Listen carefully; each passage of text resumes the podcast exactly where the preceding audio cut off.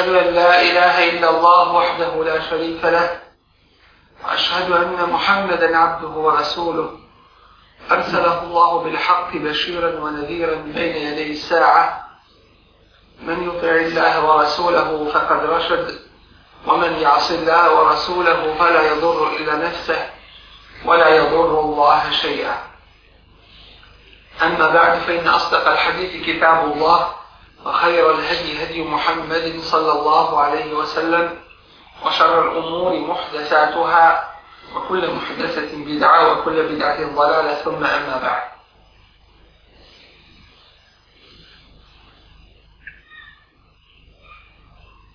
Hvala i zahvala uzvišenom Allahu i salama i salama njegovog Rasula Muhammeda sallallahu alaihi wa sallam njegovu porodicu, ashabe i sve iskrene sljedbenike da su sudnjega dana. Allahova je blagodat da nas je okupio ovdje u njegovoj kući da je naša srca približio jedna drugima i da nam je omilio iman zbog kojeg se odazivamo na ovakve skupove gdje se uče Allahovi ajati i kazuje sunnet Allahovog poslanika sallallahu alaihi wa sallam. Na početku ovog kazivanja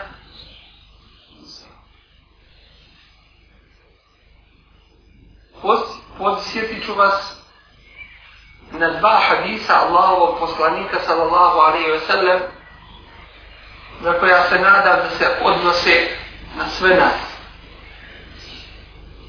Prvi je men seleka tariqan jeltenisu fihi ilmen sahal Allahu lahu tariqan ila dženne. Ko se uputi jednim putem tražeći islamsko znanje Allah takvome olakša put do dženneta. Što znači da svaki onaj koji u ima Allaha dženlešanom mu se zaputi u neko mjesto da bi naučio sve ono što ćemo koristiti od Allahove dželešanju u vjere, takav nesumnjivo da se zaputio putem dženeta. Tako ume i kao što kaže Resul Ali Sadu Sram u ovom hadisu, uzvišeni Allah olakša put do dženeta. Samim tim što je on krenuo putem islamskog znanja koje je osnovni preduslov za rad koji je ispravan i prihvaćen kod Allaha tabaraka wa ta'ala samim tim što je islamsko čvrsto i izvorno znanje prvi uslov za ispravno djelovanje i za zadovoljstvo uzvišnog Allaha Đelešanu. Drugi hadis Rasul a.s. je isto tako poticaj na traženje islamskog znanja. A u njemu Resul a.s. kaže Međtena'a kaumun fi bejtin min bujuti Allah jetluna kitab Allahi wa jetedava sunahu bejnahu kada se sakupi jedan narod u nekoj od Allahovih kuća to jeste u nekoj od džamija u kojoj uče Allahove ajete i međusobno ih proučavaju i da ne zanet alejhimu sakir na njih se spusti Allahovo smirenje.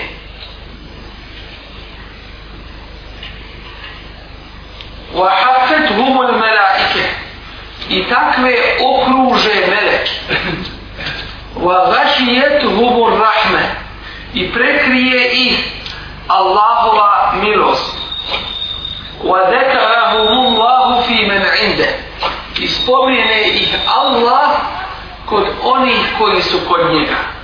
To jeste, sve njih uzvišeni Allah spomene kod svojih meleka. Ponoseći se takvim muslimanima koji se okupljaju u Allahovim kućama i traže islamsko znanje. Allahova je blagodat da i nakon 1400 godina poslije posljednje objave mi slušamo učimo i proučavamo Allahove ajete onakve kakvi su objavljeni i niko se drugi od pripadnika drugih vjera i ideologija ne može tim pohvaliti. Izvornost ove vjere je jedna blagodat na kojoj kada bismo zahvaljivali Allahu Đelešanuhu neprestano ne bismo mu mogli da zahvaljivati. Jer koliko ima onih koji rade i trude se, zalažu se i troše. A kakvi su spomenuti u kuranskom ajdu amiletu nasibe lica nekih ljudi će biti pretprašena toga dana. Napačena i iscrpljena tasla naran hanije ona će se pržiti u užarenoj vatri govori o sudnjemu danu i govori o onima koji su se trudili koji su ulagali veliki napor tako da se to i na njihovim tijelima vidjelo i primječivalo. A nakon toga, ne da neće biti nagrađeni, već će biti kažnjeni. Pa zašto to? Upravo zbog toga što taj njihov rad nije bio po propisima koje je tražio uzvišeni Allah Đelešan. To njihovo djelovanje nije bilo po znanju, pravome, pravome istinskom znanju koje je objavio uzvišeni Allah Đerlešanu i garantovao da će ga očuvati do sudnjega dana. Prema tome, ko je došao sa ovim znanjem i prema tome ko je ovo znanje objavio vidimo kolika je čast, vrijednost i važnost izvornog islamskog znanja za jednog muslimana. Tako da molim uzvišenog Allaha Đelešanuhu da blagoslovi ovaj skup, da dadne u njemu svako dobro, da svima onima koji su se odazvali da povećaju svoje znanje iz islamskih propisa i principa koji su došli da vide svoju braću muslimane a i sestre isto tako svoje sestre muslimanke da se sa njima druže molim uzvišenog Allaha da lešanuhu da svakome od vas i od nas svaki korak u seba upiše i za svaki i najmanji napor dadne najbolju zamjenu na ahiretu.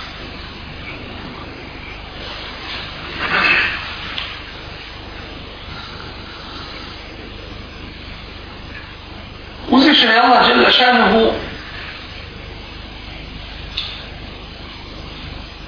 nam je opisao ovu vjeru sa tri svojstva koja jednostavno garantuju uspjeh i napredak svakome onome ko se prihvati ove vjere. Prvo svojstvo jeste savršenstvo. Što znači potpunost i nemogućnost da se u ovoj vjeri nađe bilo kakva mahana ili nedostatak. Samim tim što ju je uzvišeni stvoritelj subhanahu wa ta'ala objavio. Drugo svojstvo islama jeste sveobuhvatnost. Tako da nije ostavljeno ni jedno pitanje veliko ili malo a da islam o njemu nije dao svoj sud tako da ova vjera obuhvata cjelokupni ljudski život. I treće njegovo karakteristično svojstvo jeste trajnost. Da ovaj šerijat i ova vjera nije privremenog karaktera, već je trajna do sudnjega dana. Njeni propisi šarijata, propisi islamskog prava i vjerozakona su trajni i ne mogu biti stavljeni van snage i derogirani. Ostaju dok je svijeta i vijeka. Samim tim uzvišeni Allah nam je dao savršene smjernice kako treba po njima da postupamo. I svako onaj koji se prihvati toga, prihvatio se pravoga puta, koji je garancija njegove ispravnosti na ovom i uspjeha na budućem svijetu.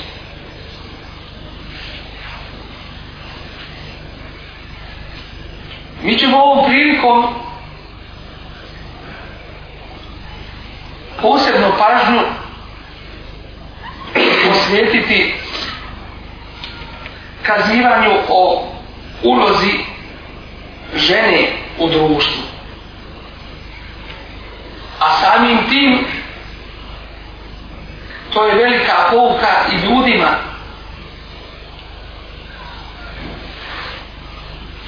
da svoj odnos prema ženama radilo se to o majici ili supruzi sestri ili čerci znaju ispravno izgraditi onako kako uzvišen je Allah od njih subhanahu wa ta'ala zahtjeva.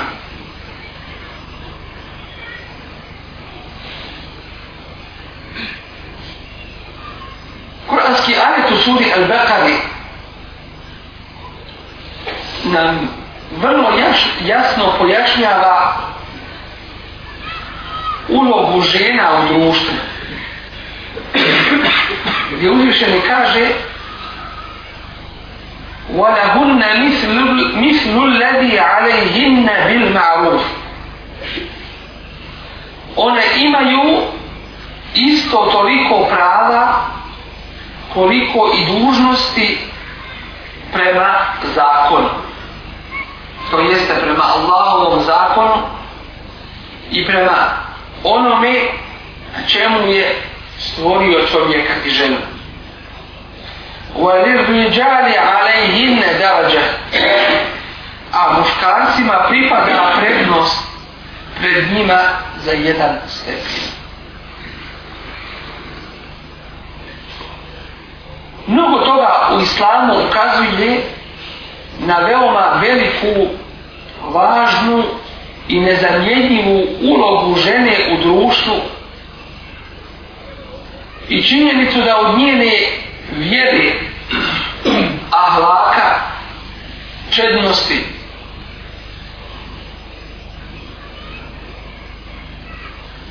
Ovisi ispravnost cjelokupne ljudske zajednice. Ovo nije nimalo pretjerana konstatacija, zaključak. Samim tim što kuranski ajeti kao i sunnet Resula sallallahu alaihi ve sellem govore o mnogim propisima vezanim upravo za njim. A to nam ukazuje na posebnu važnost i pažnju i brigu koju je šarijat, Allahov vjerozakon, ženama dao i s druge strane odredio im je dužnosti kao i prava tako da su one živi činilac preporoda i opstanka jednog društva. Mi ćemo naći ženu da je u jednom slučaju plemenita majka. Gdje joj nema zamjenu. Otac to ne može biti. Kako u fizičkom, što je prirodno, pogledu tako i u svakom drugom. Jer sama priroda čovjekova se razlikuje od ženi. I žena je upravo stvorena za takvu jednu ulogu. Naći ćemo ženu da je učitelj mladih pokoljenja. Oni pokoljenja koja preuzimaju na svoja pleća najveći emanet tako da je žena jedna najveća škola i najvažniji institut obrazovna institucija kojoj isto tako nema zamjene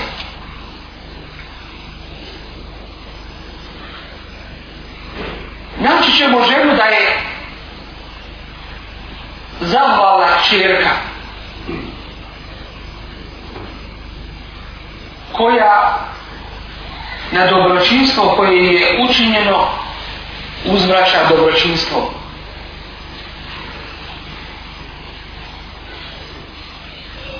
Naći ćemo je da je odgovorna supruga, da je razborita i da se odgovorno brine o porodici. A sve to proističe iz njenog prije svega čvrstog ubjeđenja u Allaha Đelešanog u njenog vjerovanja, a zatim znanja i prihvatanja šarijetskih propisa koji su savršeni, sveobuhvatni i trajni. Na taj način žena ispunjava svoju veliku ulogu na ovom svijetu jer to nezamjenjivu ulogu i tako ide ka jednom jedinom ispravnom cilju a to je zadovoljstvo uzvišenog Allaha te barake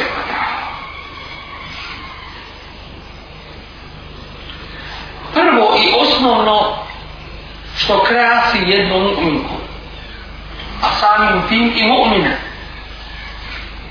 jeste da je ona čvrsta u svom vjerovanju koje je čisto nenatrudnjeno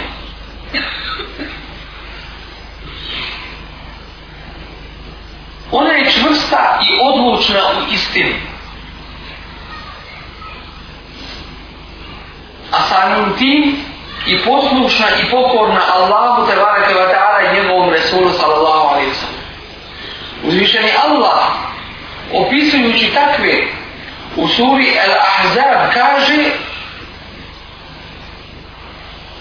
وَمَا كَانَ لِمُؤْمِنٍ وَلَا مُؤْمِنَةٍ إِذَا قَضَ اللَّهُ وَرَسُولُهُ أَمْرًا أَنْ يَكُونَ لَهُمُ الْخِيَرَةُ مِنْ أَمْرِهِ Ne može se desiti nijednom mu'minu, jednom vjerniku iskrenom, ni mu'minki, to jeste čistoj, iskrenoj mirnici.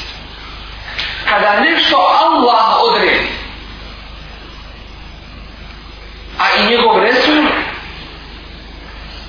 da oni imaju mogućnost izbora. To jeste neprikosnoveno pokorni su iskreni vjernici i vjernice uzvišenom Allahu tabaraka wa ta Rasulu sallallahu alaihi sallam. A to proističe iz njihovog čvrstog i čistog ubjeđenja. U šehadet la ilaha illa Allah Muhammedu Rasulullah koji se svakodnevno u svim prilikama potvrđuje tako da je takav mu'min i mu'minka od svakog dobra u svome društvu kome se nalazi s jedne strane i primjer svima kako treba živjeti i raditi na ovom svijetu.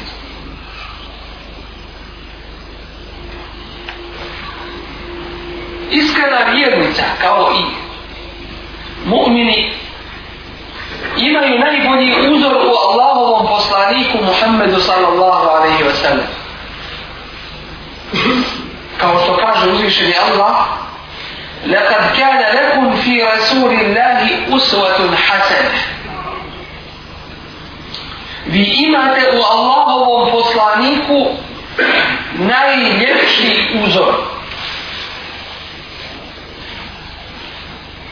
A i ashabi Resula sallallahu alaihi wa sallam, to jeste njegovi drugovi, oni mu'mini koji su živjeli u njegovo vrijeme, isto tako su najbolji uzor svim iskrenim vjernicima i vjernicama. Jedan musliman i muslimanka svjesni su da su stvoreni na ovome svijetu radi ibadeta uzvišenom stvoritelju Allahu te barake wa ta'ala. Svi postupci tako muslimane i muslimanke proističu iz predanosti i opredjenjenosti Allahu te barake wa ta'ala što je u stvari značenje islama. Islam u osnovi znači predanost. Potpunu pokornost. Neprikosnoveno prihvatanje. Uzvišenog Allaha Đelešanom kao svoga gospodara. Kao onoga koji jedini zaslužuje da mu se pokorava i ibadet čini, subhanahu wa ta'ala.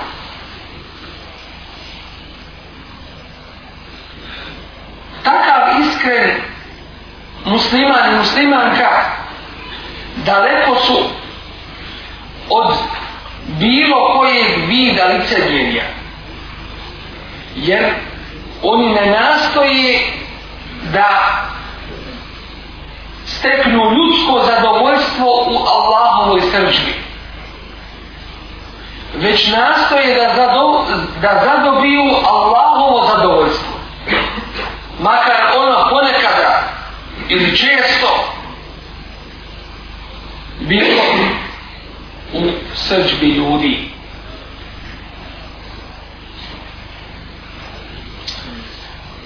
Iskreni mu'min i mu'minka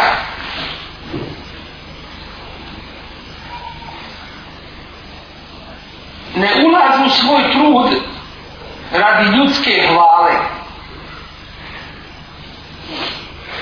Niti bilo šta ostavljaju i odriču ga se zbog ljudskog kuđenja. Sve što čine na ovom je svijetu, oni čine u ime Allaha tabaraka wa Takav musliman i muslimanka posvetili su svoje vrijeme učenju islama i badetu činjenju dobrih dijela pozivanju na put svoga gospodara i ustrajnosti na tome pravcu i uputi. sve ovo jednostavno proizilazi iz njihovog iskrenog i ispravnog shvatanja islama kao savršene vjere koja uskladnjuje ljudski život u svim njegovim djelatnostima.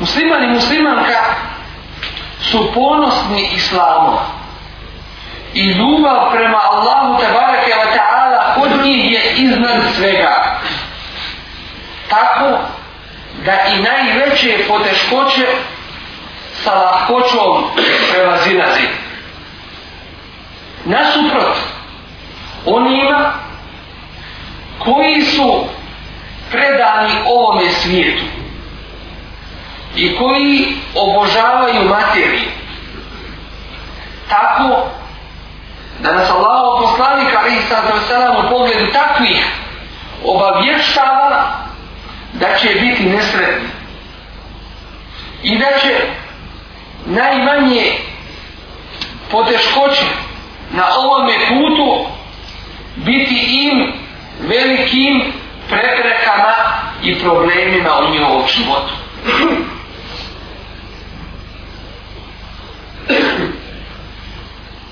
iskreni mu'min i mu'minka klonje se grijeha i griješenja. Jer grijesi slabe čovjeka i udaljavaju ga od uzvišenog Allaha tabaraka wa ta'ala a približavaju ga prokletom šeitanu koji navodi na zlo i na taj način se otvaraju rada otvaraju vrata rada prokletog šitena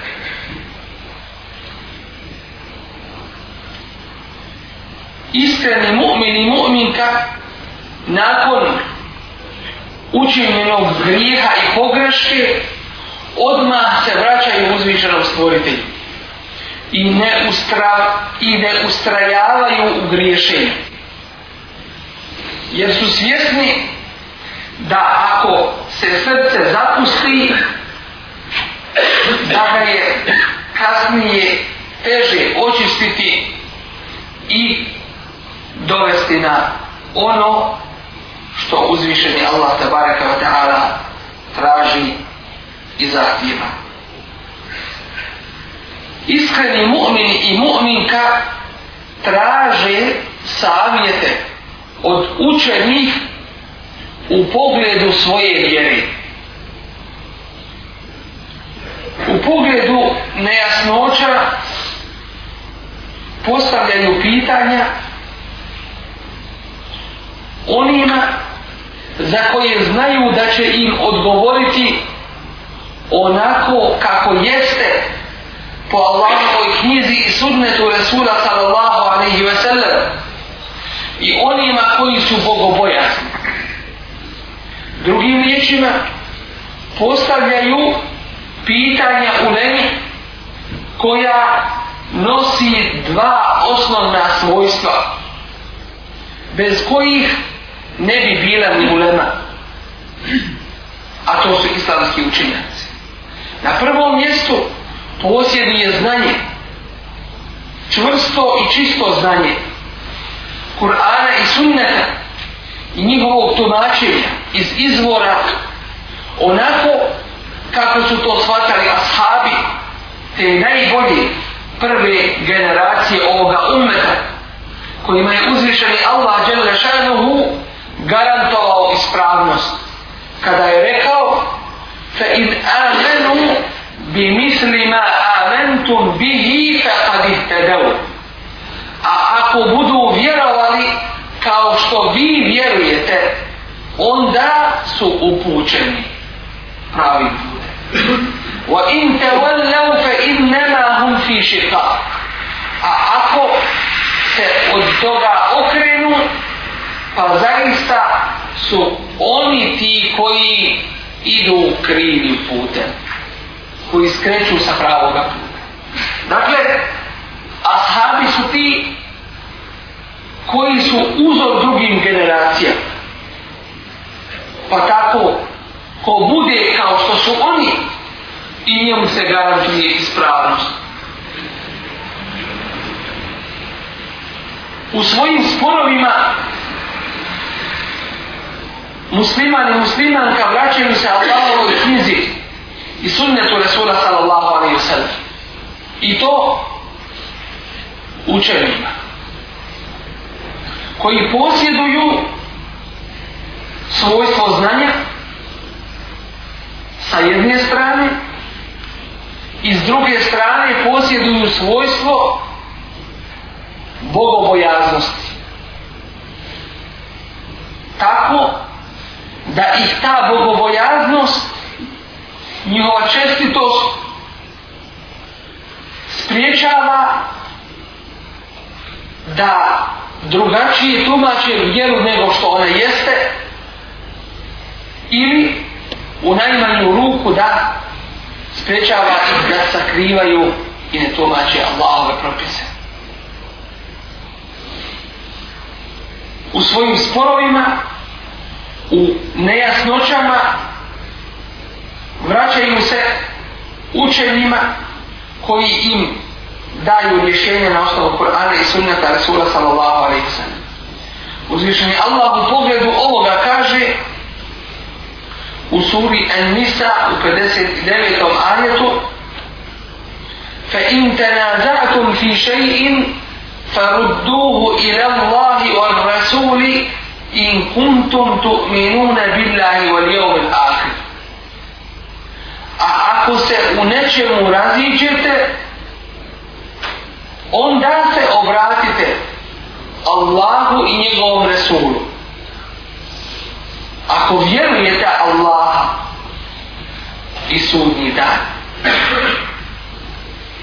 Zalike hajru wa ahsanu tetuila To vam je bolje i za vas rješenje ljepši U ovome slučaju to je obraćanje na Kur'an i sunnet Resula sallallahu alaihi wa sallam u svim nejasnoćama i sporovima.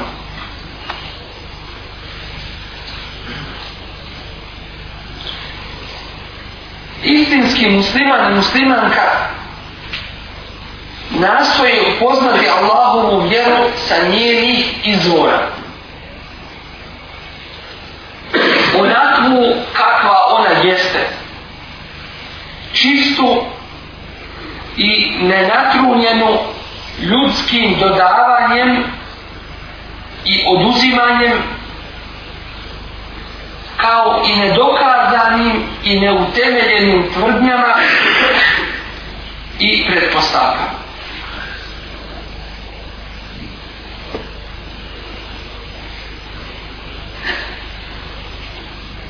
Takav vjernik i vjernica ne propuštaju nijednu priliku koja im se ukaže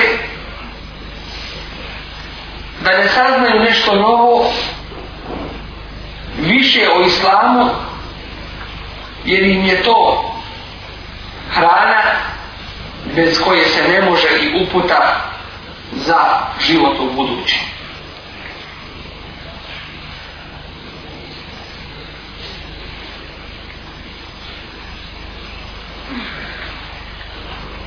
musliman i muslimanka koji su krenuli ovim putem svjesni su činjenice da što više znaju da su bliže radu po tomi jer je činjenica isto tako da se ne može činiti ibadet Allahu subhanahu wa ta'ala i njemu biti pokorno samo po osjećajima, već po pravilima i propisima koje je slobo on uzvišeni stvoritelj Allah subhanahu wa ta'ala odredio i propisao i nikome i najmanje udjela u tome nije činio. Kod muslimana tako i muslimanke vjera nije puka teorija niti je pričanje bez rada takvi nastoje da u svoju praksu sprovedu sve ono što su naučili od islamskih propisa koliko god su u mogućnosti A to je bila praksa Allahovog poslanika sallallahu alaihi wa sallam sa njegovim ashabima. Tako da ashabi kada bi bilo objavljeno deset ajeta iz Kur'ana ne bi prelazili na sljedećih deset dok one prije nisu naučili shvatili dobro razumjeli i potom je radili.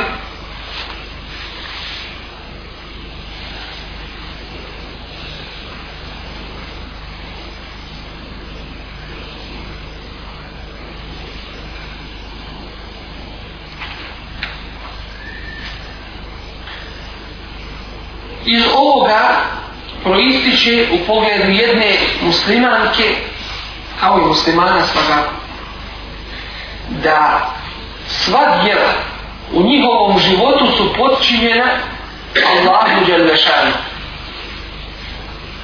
Shvatili su da cijelokupni život na ovome svijetu i sam rad je ibadat uzvišenom Allahu. I zbog toga su stvoreni na ovome svijetu. Samim tim što čovjeku na sudnjem danu kada dođe i stane pred uzvišenog stvoritelja Allaha tabaraka wa ta'ala koji će direktno sa njim razgovarati bez posrednika. Svjesna je takva osoba da jedini odgovor i jedino opravdanje za boravak na ovome svijetu može biti ibadet Allahu Đelešanu. To jeste da mu čovjek bude u pokornosti. Nikakav drugi odgovor nije ispravan i nije prihvaćen. A čovjek će nakon pitanja o svojoj vjeri, što se ogleda u prvome pitanju o namazu, po kome će se mjeriti druga ljudska djela, biti pitan o svome životu,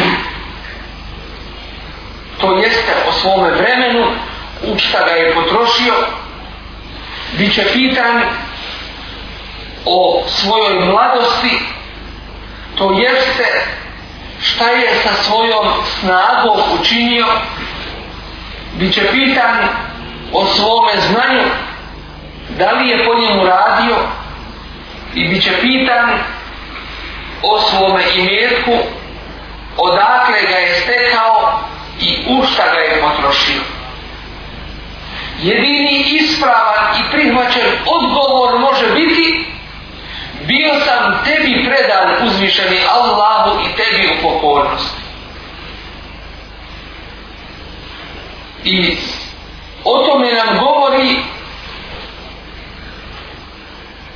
jedna cijela kuranska sura koja je nazvana imenom El Asr, vrijeme, kojim se uzvišeni kune i kaže tako mi vremena zaista je čovjek na gubitku.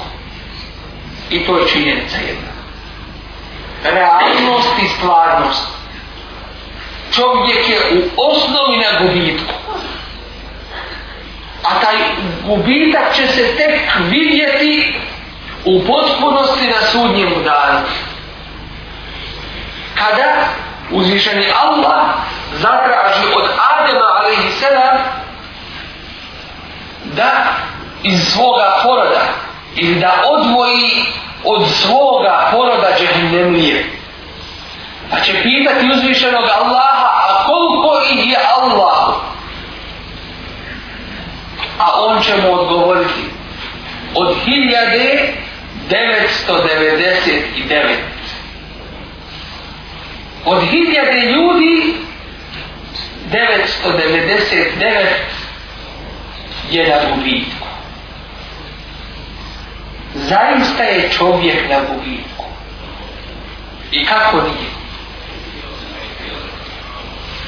svaki trenutak koji prođe od tvoga života nikada se više neće vratiti. I tu priliku više nikada nećeš moći iskoristiti.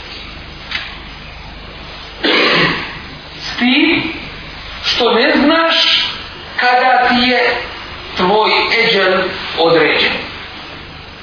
Ne znaš kada će doći smrtni čas na ljekariba ostaje rekli smo samo da konstatuju je li bio srčani ili je moždani u nas a to u pogledu tebe nema više nikakvog značenja niti značaja tebe više na ovom svijetu nema jedini odgovor može biti bio sam tebi Allah u pokornosti za sve drugačije, to jeste za svaki grijeh koji je učinjen, odgovarat će se. وَمَنْ يَعْمَلْ مِثْقَالَ ذَرَّةٍ شَرًّا يَرَى ko je učinio i koliko atom jedan to jeste najmanju mjeru zla vidjeći. Dakle, to je jedan princip na kojem musliman i muslimanka zasnivaju svoj život. Život u pokornosti uzvišenom Allahu te barake wa ta'ala. Život u ostvarenju ovog uzvišenog cilja onaj koji te stvorio jedini zaslužuje ibadet.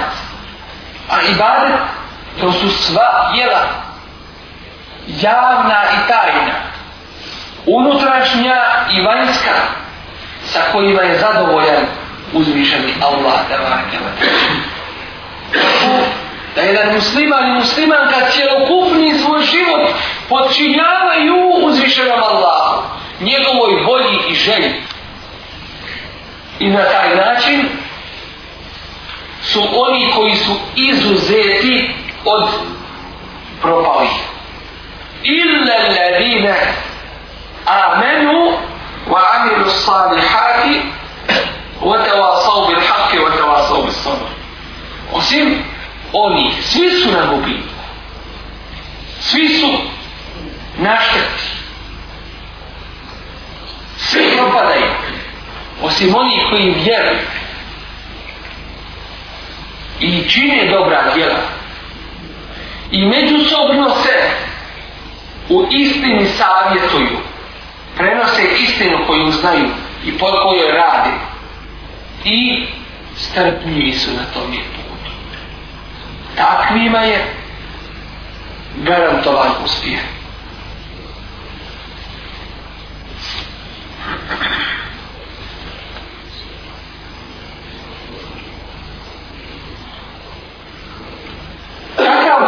pravoslavni muslimanka nastoje što više dobrih dijela učiniti.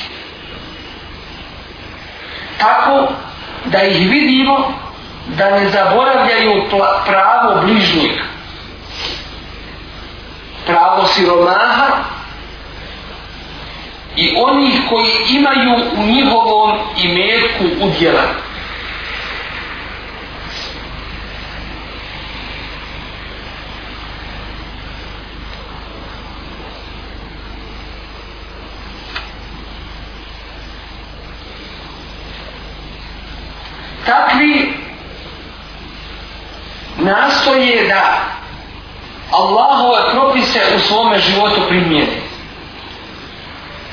da budu primjerom onima oko sebe i nastoje da islamske propise onakve kakvi oni jesu pretoče u svoja djela.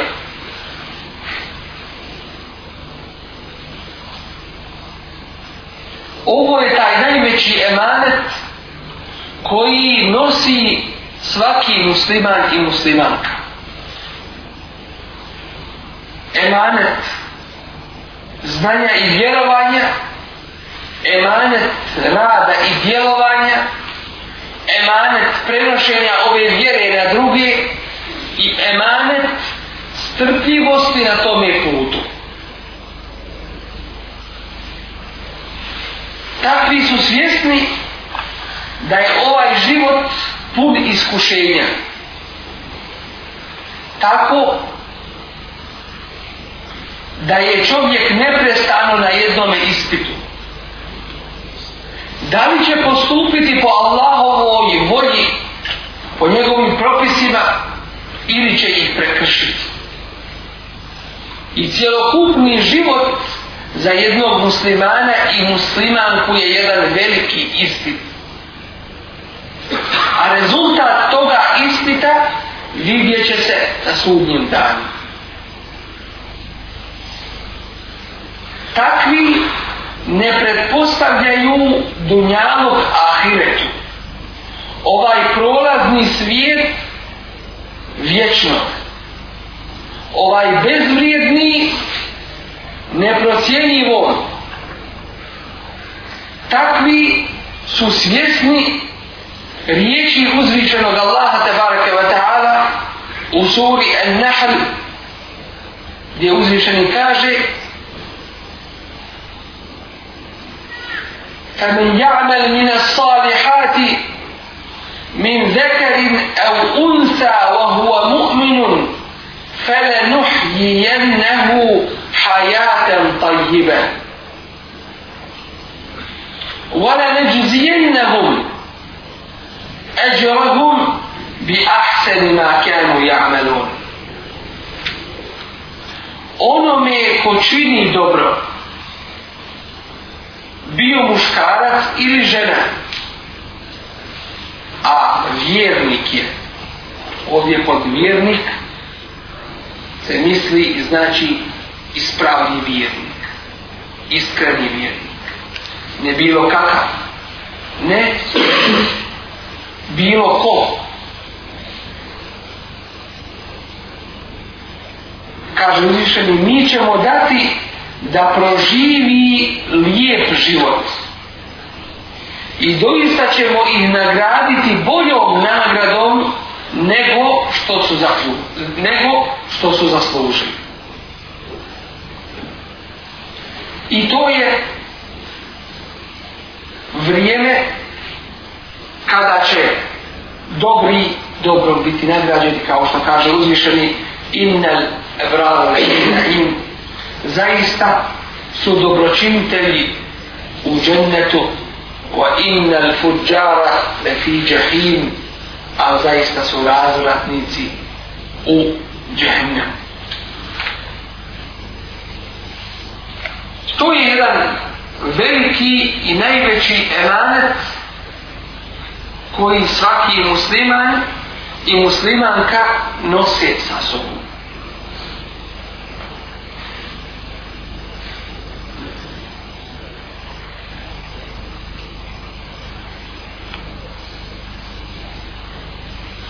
kada je riječ ovom prilikom o ženama, dotaći ćemo se sa Allahom tebareke wa ta'ala pomoći još dvije vrlo važne teme, a koje se odnose kako na žene, tako i na muškarce. To je pitanje braka i odnosa u njemu i pitanje odgajanja djece tih novih pokoljenja i njihove pripreme za ovaj svijet, a samim tim i budući.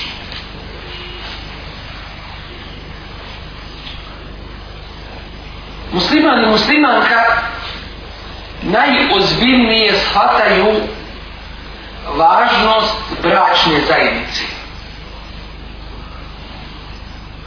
kako u pogledu sebe, tako i u pogledu svoje djece i cjelokupnog društva i okoline.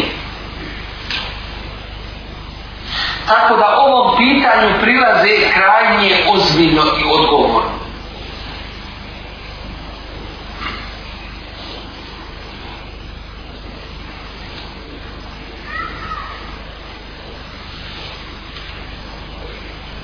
brak za jednog muslimana i muslimanku nije ni pošto jedna privremena neodgovorna veza niti jedna avantura i zabava o čijim posljedicama oni ne razmišljaju. oni tu zajednicu svoju grade na čvrstim principima i propisima Allahove knjige i sunneta Resula sallallahu alaihi ve sellem. Tako da jedan musliman nastoji kao što i muslimanka nastoji da napravi najbolji izbor svog životnog saputnika onoga ko će joj pomagati i koja će mu pomagati i podržavati jedno drugo u bogobojaznosti koji će razumijevati i shvatati jedni druge i savjesno svoje obaveze izvršavati i kako u kući, tako manje, koji će odgovorno i ispravno djecu uzdizati i odgajati i usmjeravati ih da budu pokorni Allahovi te bareke wa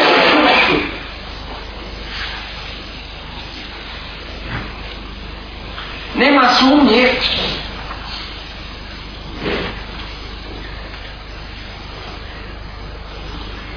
da je u velika mudrost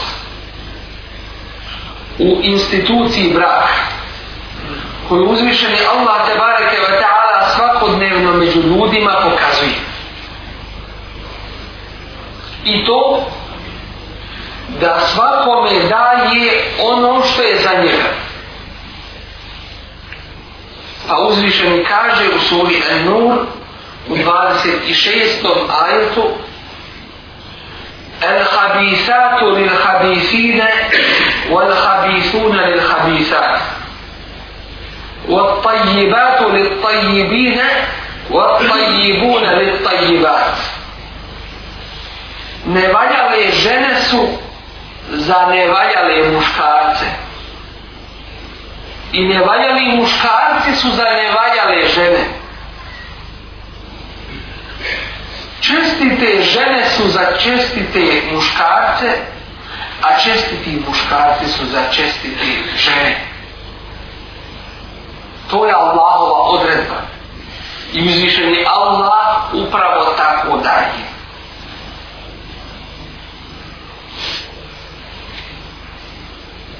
Tako da jedan musliman i muslimanka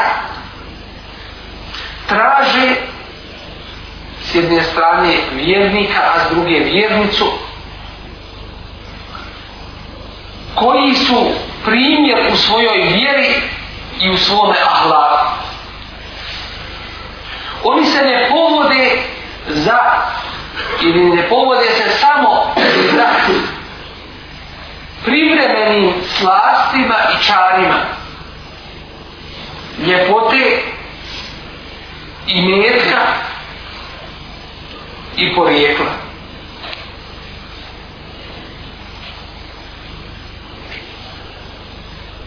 Tako da jedan musliman i muslimanka prije svoga braka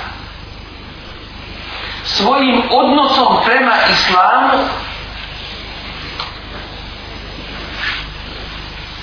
kroz izvorno i ispravno vjerovanje kroz rad, potom i djelovanje pripremaju se da nađu osobu koja je istih ili još boljih kvaliteta. Što znači od odnosa jednog muslimana i muslimanki prema njihovoj vjeri zavisi i to šta će i koga će naći.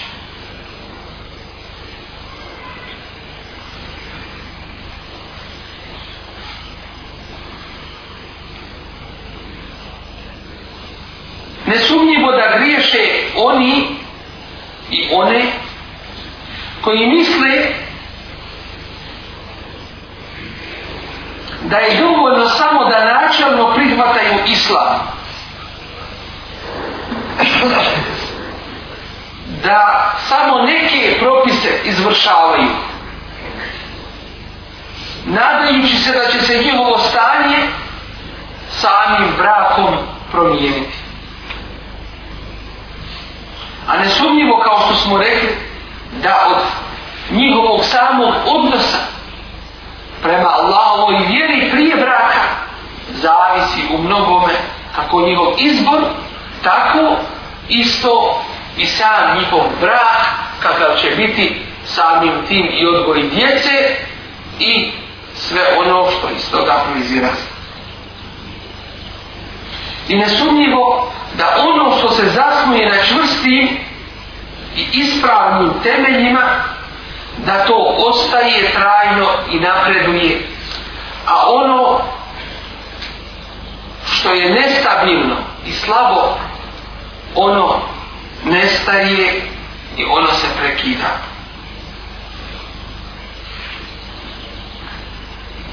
musliman i muslimanka su daleko od svakog vida nedozvoljenih veza. Kako prije braka, tako i u toku braka i to pogotovo u toku braka. Jer uzvišen je Allah Đelešanu stvorivši čovjek zaštitio je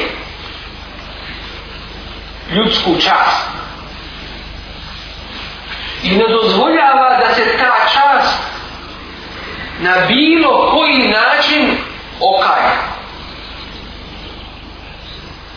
Tako da se ni pošto jedan musliman, jedna muslimanka ne smije naći onda gdje će im se njihova čast poljuljati. posebno u onome što se kod našeg svijeta zove aškovanje. To uzvišenje Allah Đelešanovu nije dozvolio. I to mu je mrsko i ogavno.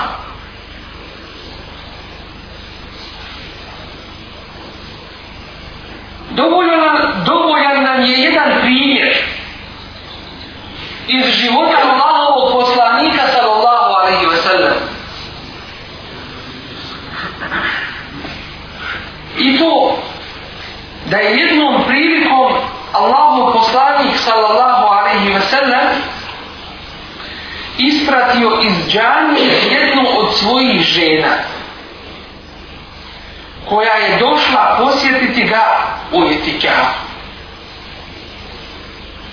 pa su pored njega prošla dvojica ashaba, njegovih drugova, muslimana, ensarija,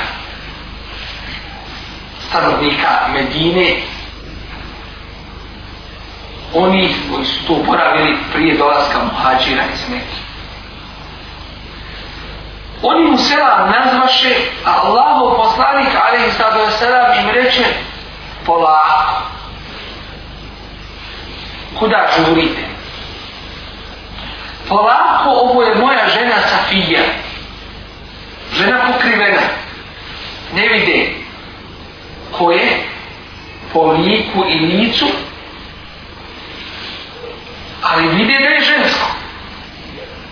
Sa Allahovim poslanikom, sallallahu alaihi wa sallam. On im kaže polako. Ovo je moja žena i spomenuo je po imenu koja Safija na što mu oni kazaše Subhanallah a to su riječi čuđenja drugim riječima kako ćeš to reći Allaho čude se kažu Subhanallah zar o tebi zar da o tebi mislimo osim samo dobro Allahov poslaniče. A on im odgovori šeitan kola čovjekovim krvnim žilama pa sam se pobojao da vam ne ubaci nešto u vaša srca. Ovaj hadis bilježi Buharija, Muslim i drugi. Iz ovoga vidimo primjer da se Allah od poslanika ali sad čuva i svake sumnje i ružne pomisli. Da bi mogao ići sa nekom ženom kojom on, kojoj on nije mahran. Iako je on Allahov poslanik od Allaha odabran. Iako izlazi iz džamije, iako je žena pokrivena, a kad nije bilo ko, iako su oni ashabi, a šta reći za nas koji nismo ni blizu onoga na čemu su bili oni.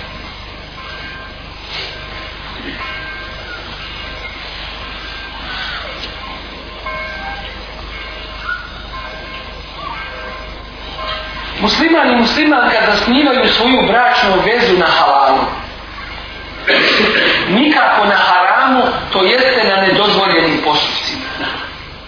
Šerijatski propis je kada neko hoće da se oženi, da se raspita među muslimanima da li postoji osoba koja je na udaju a ima određena svojstva. Kada do njega dođe odgovor, onda će se uputiti staratelj te osobe. da sa njim o tome popriča.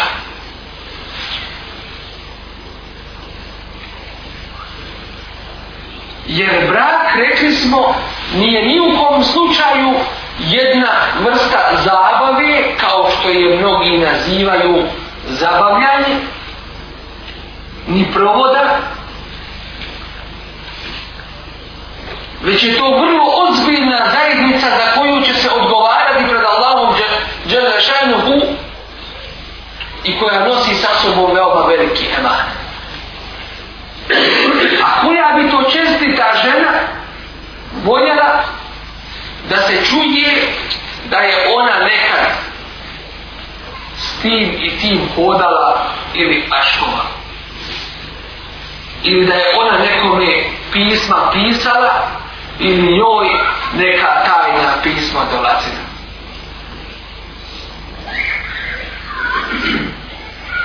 koja bi to vjernica sebi dopustila.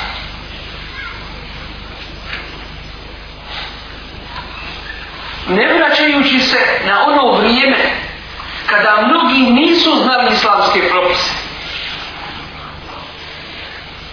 Mi ukazujemo da se takve stvari u budućnosti ni, ni pošto ne smiju dešavati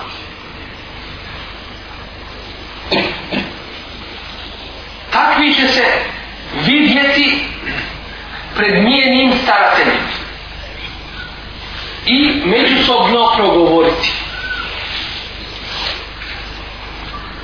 A nakon toga, nakon što klanjaju istiharu namaz i zamole Allaha Đelešanuhu za rješenje, kako je za njih najljepše, odlučit će se na taj najozbiljniji korak. A kada se to odluče, njihov vrak ni pošto i nikako neće biti taj, tajan. Već će to oglasiti i obznaniti među ljudima.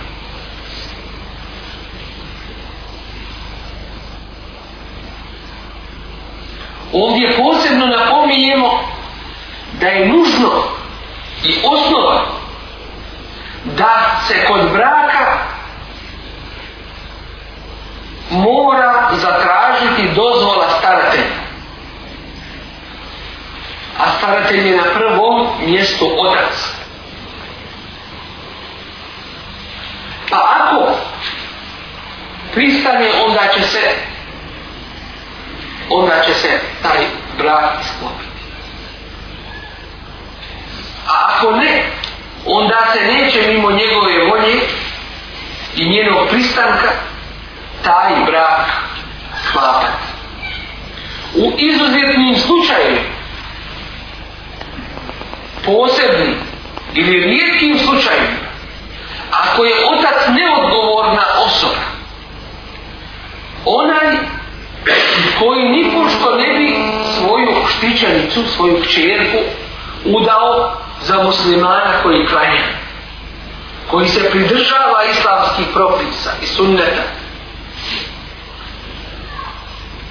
U takvom slučaju takav se upozori i s njim se progovori o šarijetskom stavu u pogledu toga ako on i nakon toga konstantno odbija onda će alim islamski učenja u dotičnom mjestu biti taj koji će u pogledu dotične situacije presuditi i vidjeti šta je najbolje i najispravnije da bi se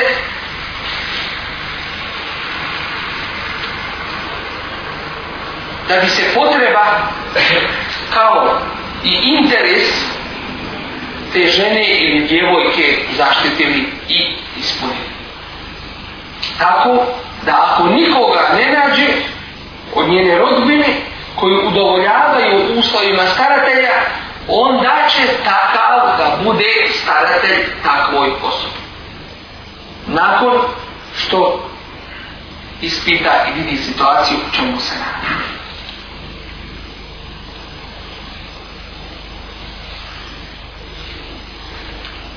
Što se tiče samog vjenčanja, potrebno je da to bude staratelj i dva svjedoka.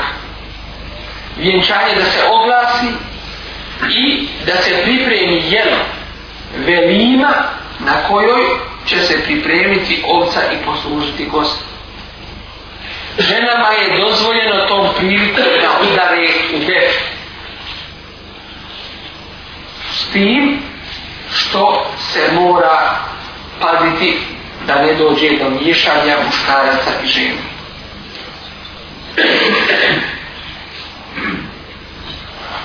U samom braku čovjek i žena su zaštita jedno drugome. Uzvišen je Allah opisujući čvrstoću te vjere, čvrstoću te veze,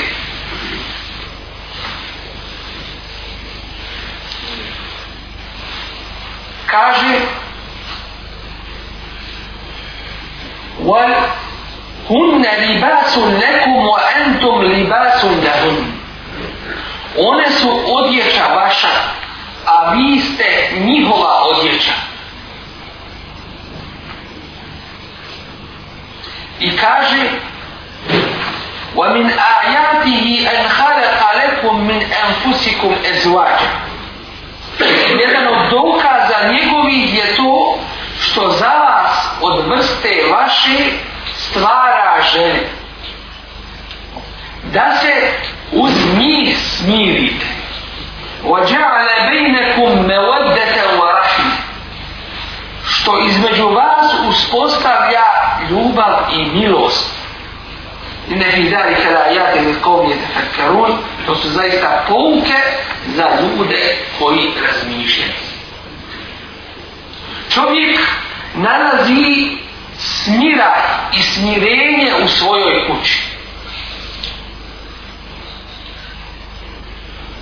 Samim tim što po svojoj prirodi on radi van kući.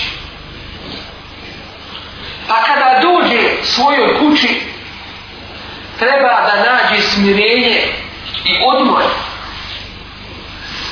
A ako nađe suprotno tome, onda takvi bježe od svojih kuća.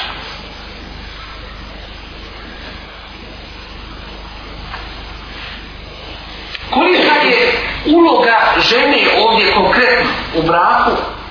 Više nam hadisa to pojašnjava od kojih je i hadis Rasula, ali sam sam koga bilježi imam tirim iz Ibne Mađe, koji je kod Fatima Sahih gdje kaže Resul Alayhi Sallatu Sallam koja god žena umre a njen čovjek bude zadovoljan njom ući će u džennet to jeste takva žena je izvršila i ispunila svoju ulogu na ovom svijetu Svakako, ovdje je riječ o čovjeku koji do, drži do šarijetskih propisa. Ne o onima koji su se namjerili jedni na druge, pa se mjesto u dobročinstvu pomažu u nečem drugom.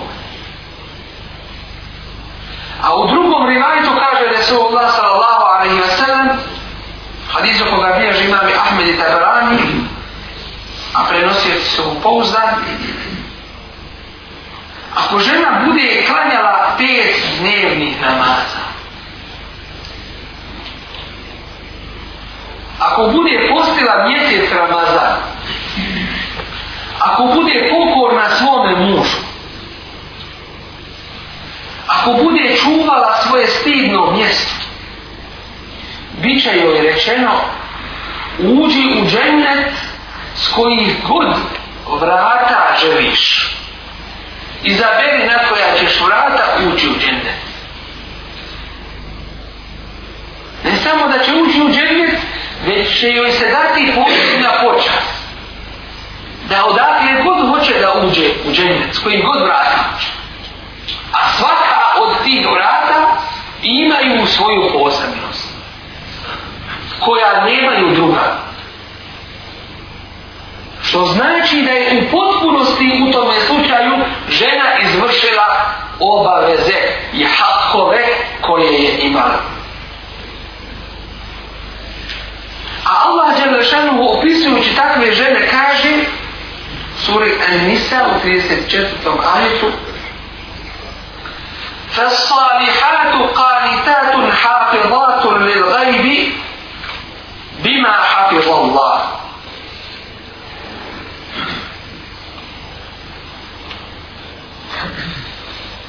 čestite žene su poslušne i za vrijeme muževljeva odsustva vode brigu o onome o čemu treba da vode brigu jer i Allah njih štiti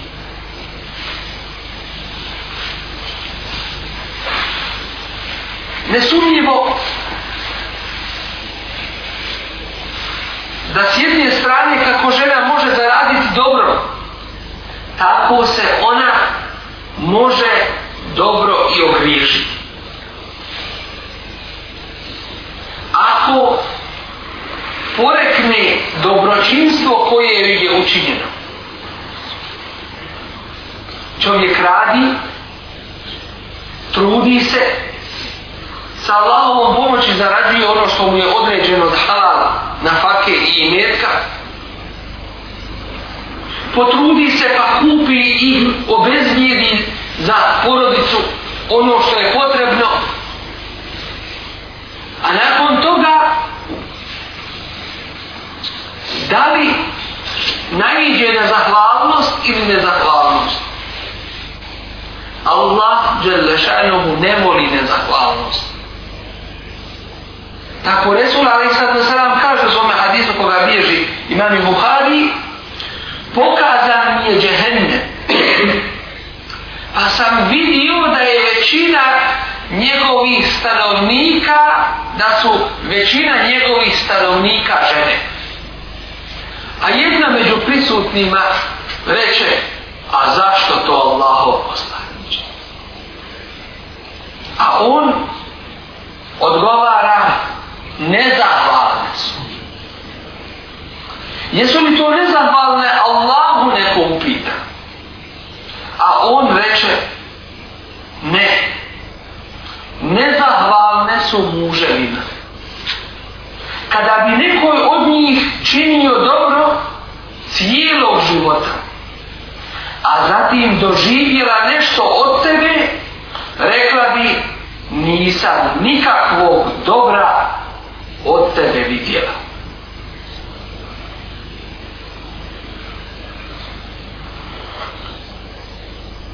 Iskrene muhminke ne uznemiravaju svoje muže.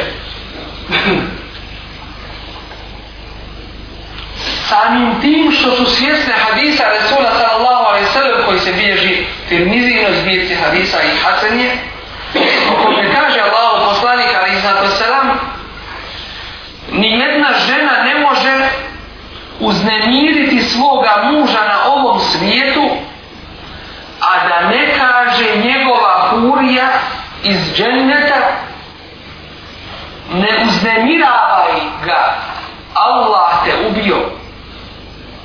On je kod tebe samo kratko, a uskoro će ostaviti, a uskoro će te ostaviti i doći kod nas.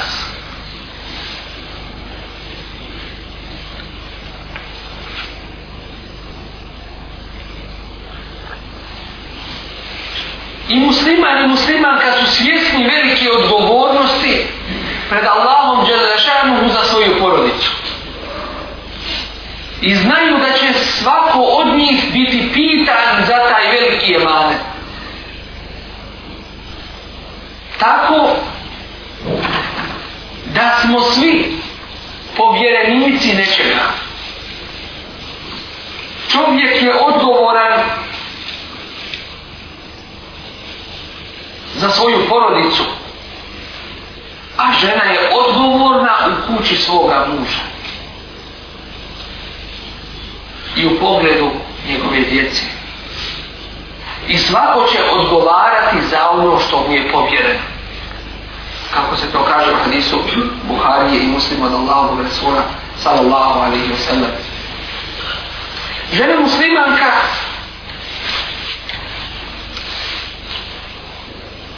čineći ibadet Allahu Đelešanuhu ne zamjera se svome čovjeku. Tako što na file u njegovom prisustvu ne posti osim sa njegovim izunom njegovo dobro